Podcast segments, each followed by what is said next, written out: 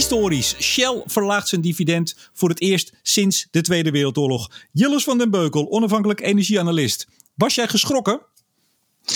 Uh, nou, ik, uh, geschrokken weet ik niet, maar het is wel een schok, toch? Ja, want uh, zoals je zegt, voor het eerst sinds de Tweede Wereldoorlog.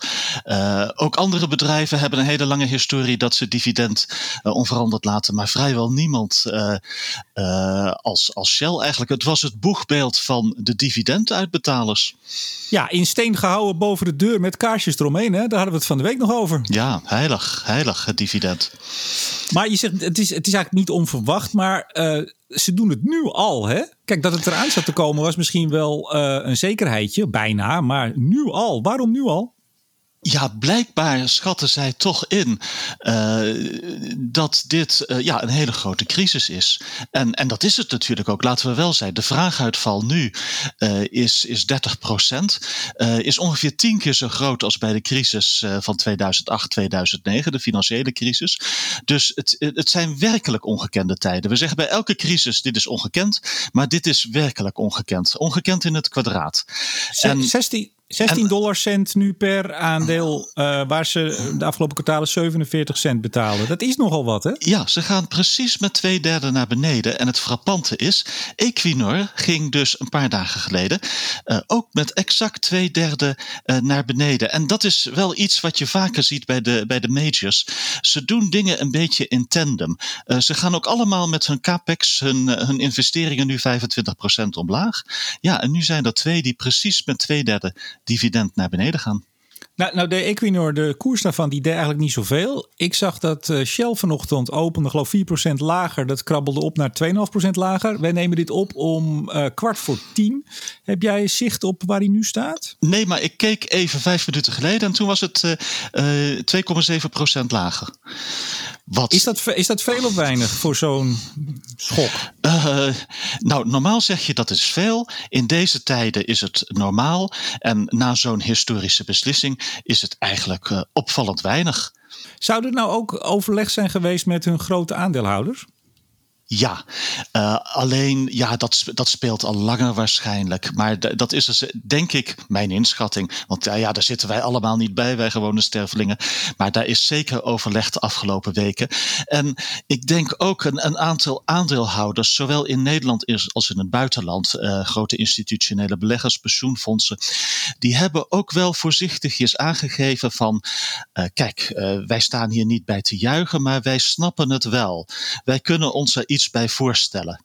Ja, en, en, als ze dat zeggen, dan geeft dat eigenlijk al aan van uh, uh, in een normale wereld is dit een no-go, maar nu vinden ze dat eigenlijk eh, best begrijpelijk. Ja, dus en, is het misschien wel helemaal niet zo'n shock?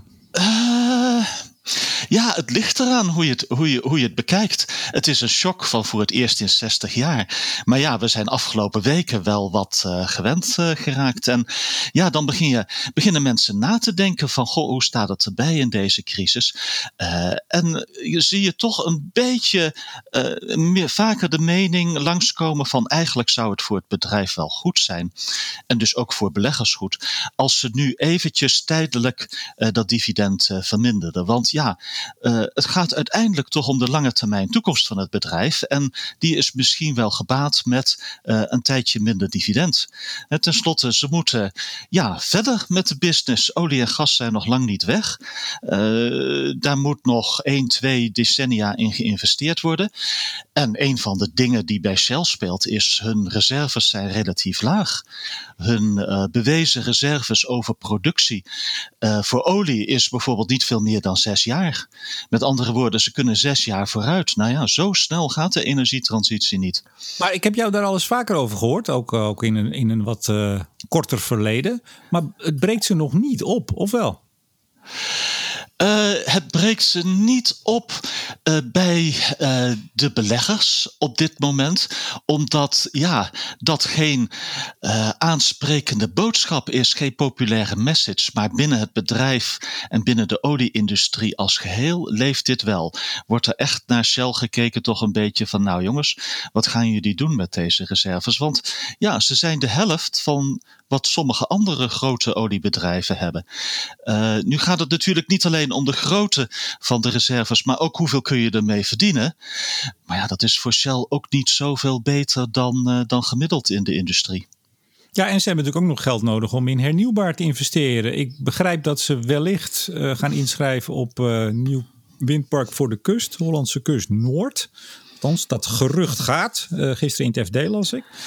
Um, ja, daar moet ook centjes voor zijn. Ja, en ik proefde toch ook wel iets van een beetje spijt dat het niet uh, gelukt is uh, met het uh, Eneco gebeuren.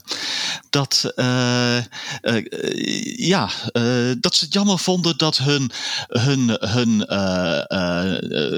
de, de randvoorwaarden die ze hebben om te kunnen investeren financieel, ja, dat ze het daarmee niet gehaald hebben. Ja door Mitsubishi en consorten opgekocht, hè?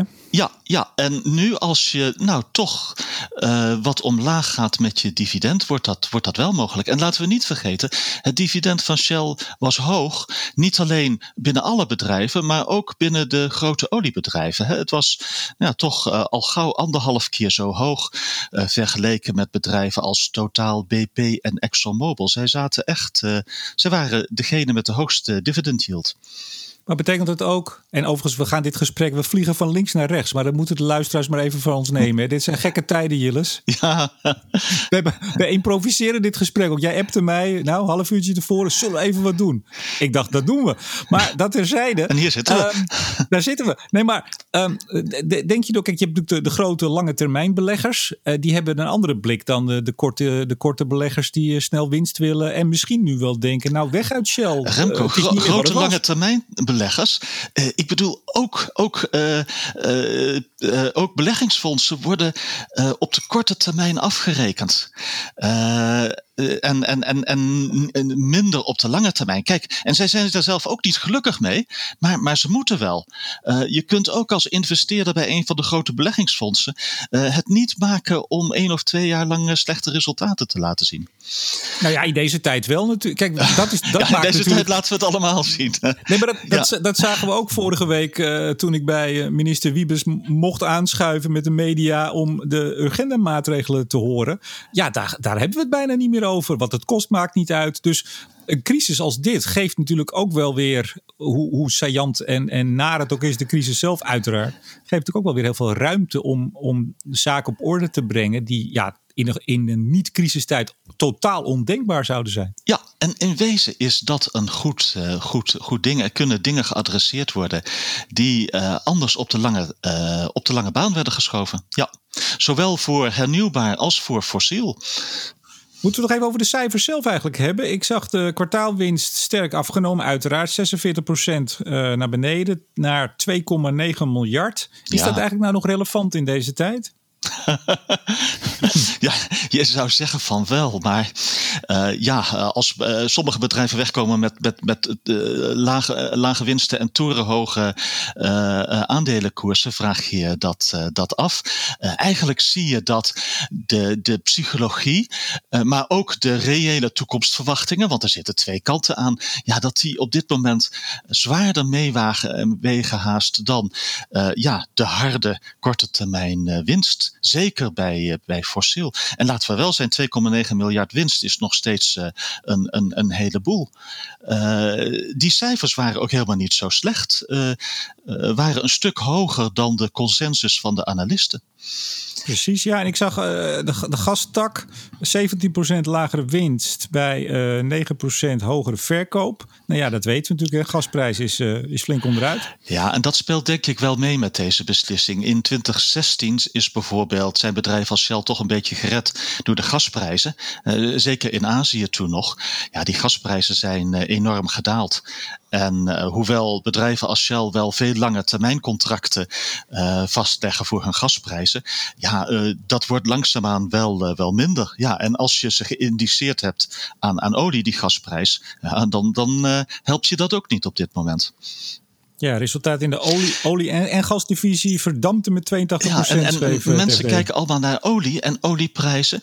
Maar eh, voor gas spelen er ook van allerlei dingen. De olievraag gaat dit jaar eh 10% omlaag, gemiddeld, ruwweg, verwachting. Voor gas is dat ongeveer 5%. Hè, terwijl voor gas er gerekend werd op een kleine 5% groei. Hè, dus ook dat is heel veel minder. En eh, wij doen alsof het insluiten van olieproductie heel groot nieuws is. Maar ergens op de achtergrond eh, speelt dat voor gasputten net zo goed. Die moeten binnenkort ook worden ingesloten. Eh, daar moeten ook eh, ladingen die op de lijst stonden om met LNG-carriers verzonden te worden, moeten worden afgezet. Hè, een van de vragen is: kun je daarvoor force majeure gebruiken of niet? Wij zullen zien. Daar gaan we het binnenkort bij Blik op olie en gas. Jawel, daar gaan we het natuurlijk uitgebreid over hebben. Hè? Uh, ja, ja, zeker. Ja, Ja, Hey, nog, nog één, één cijfer, dat vind ik altijd wel interessant. Ehm, eh, opera- operationele eh kaststroom van Shell die nam het afgelopen kwartaal eh, toe tot 14,8 miljard. En dat was een jaar eerder eh 8,6 miljard. Wat moeten we met zo'n getal? Ja, het geeft ook weer aan dat, uh, ja, dat er nog steeds wel uh, een, boel, uh, een boel gebeurt op de korte termijn en een boel winst wordt gemaakt enzovoort bij Shell. Ja. Laten we nog even kijken naar de andere majors. We hadden BP, even kijken, dat was gisteren, hè? vandaag Shell. BP was dinsdag, ja, en die lieten het onveranderd nog. Dinsdag, ja, precies. Ja. Ja. Maar kondigde al wel aan van wij gaan dit kwartaal voor kwartaal bekijken. Kijk aan, ja, wat, wat kun je anders zeggen in deze tijd, zou ik bijna zeggen. Je, je, je kunt zeggen van, nou, wat er ook gebeurt, wij handhaven het, maar dat hoor je niemand meer zeggen. Durf jij nog uitspraken te doen over de, de andere majors die morgen komen? dacht ik nog één of twee volgende week, uh, wat die gaan doen? Uh, ik, ik, ben benieuwd. Uh, uh, met name ook Totaal volgende week. het zou nu goed kunnen zijn dat Totaal, ik meen volgende week maandag, toch ook met het dividend omlaag gaat. Ja. Hebben wij nog iets niet besproken nu? dit was een mooi pakketje zo. Ik vind het ook. Uh, dankjewel, uh, Jilles van den Beukel, onafhankelijk energieanalist. En ik, misschien kunnen wij wel gewoon iedere dag, drie keer per dag, gewoon even een gesprek opnemen. Want zoveel gebeurt er. Het is, uh, nee, het is niet alleen geen business as usual, ook geen crisis as usual. Dankjewel.